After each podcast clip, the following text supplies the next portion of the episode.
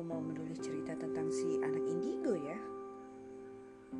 Si indigo yang so tahu, dia pikir dia bisa mengendalikan pikiran liarnya. Namun, pada kenyataannya, dia menjadi korban akan pikirannya sendiri. Beribu pesan mimpi sirna tersapu azan subuh. Itu yang membuat dia selalu tidak menghiraukan tanda-tanda ilahi. Aku teringat si anak indigo yang aku kira aku kenal. Nanti aku cerita. Panjang ceritanya. Isinya penuh dengan ketidaktahuan dia. Capek rasanya. Hmm. Yuk kita mulai saja. Maafkan ya kalau plotnya akan loncat-loncat. Tapi memang adanya begitu. Ya sudahlah. Ini adalah mimpi dan harapan yang tidak berkesudahan di dalam hidup. Percaya bahwa hidup itu memenuhi karmik yang selalu berputar. Putaran pertama biasanya kita tidak siaga, maka akan diulang di putaran kedua. Di sini banyak yang terlena, dan kadang masih banyak yang belum ngeh. Maka akan diulang lagi dengan kisah serupa tapi tak sama dan lagi begitu seterusnya. Terkadang manusia menjadi seperti hamster lugu dalam kandang. Dia pikir dia diberi rumah. Dia pikir dia diberi alat berputar untuk berekreasi. Untuk menyenangkan hati, menghabiskan hari. Akan tetapi, tanpa sadar dia hanya berputar di tempat sambil menghabiskan waktu hidupnya. Memikirkan hamster sebenarnya tidak jauh beda. Itu sangat sederhana. Ketika dia terperangkap dalam kandang, ketika dia terperangkap dalam kandang,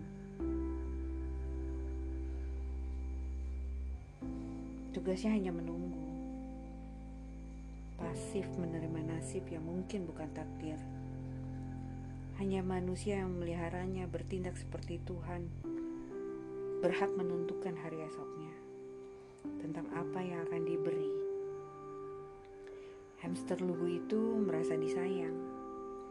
Hamster lugu itu merasa beruntung, walaupun nasibnya ditentukan oleh manusia.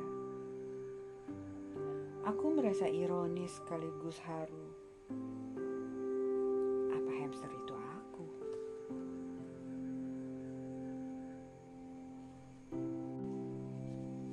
Kenapa aku jadi teringat kejadian waktu aku masih kelas 2 SMP ya?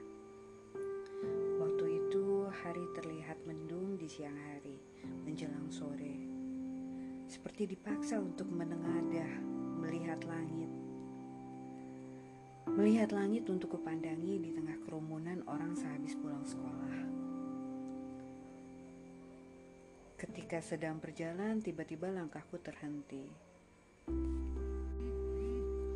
Gadis 13 tahun yang sedang melangkah dengan ribuan pikiran, diam terpaku menatap langit selama beberapa menit, seakan menunggu komunikasi darinya dan tidak ada yang peduli.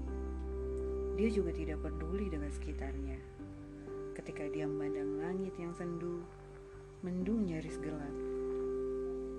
Terbersih terasa rindu, rasa cinta, tapi tidak tahu apa.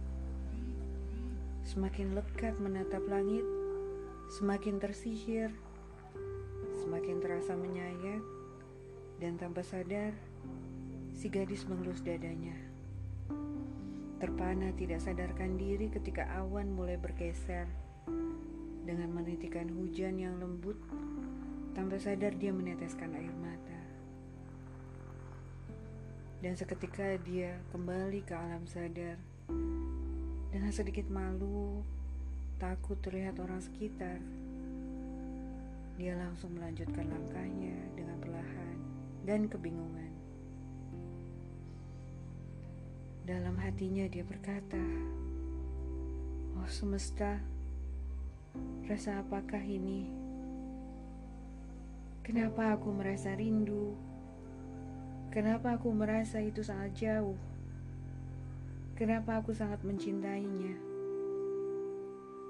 Setiap hujan aku akan selalu mencari rasa ini.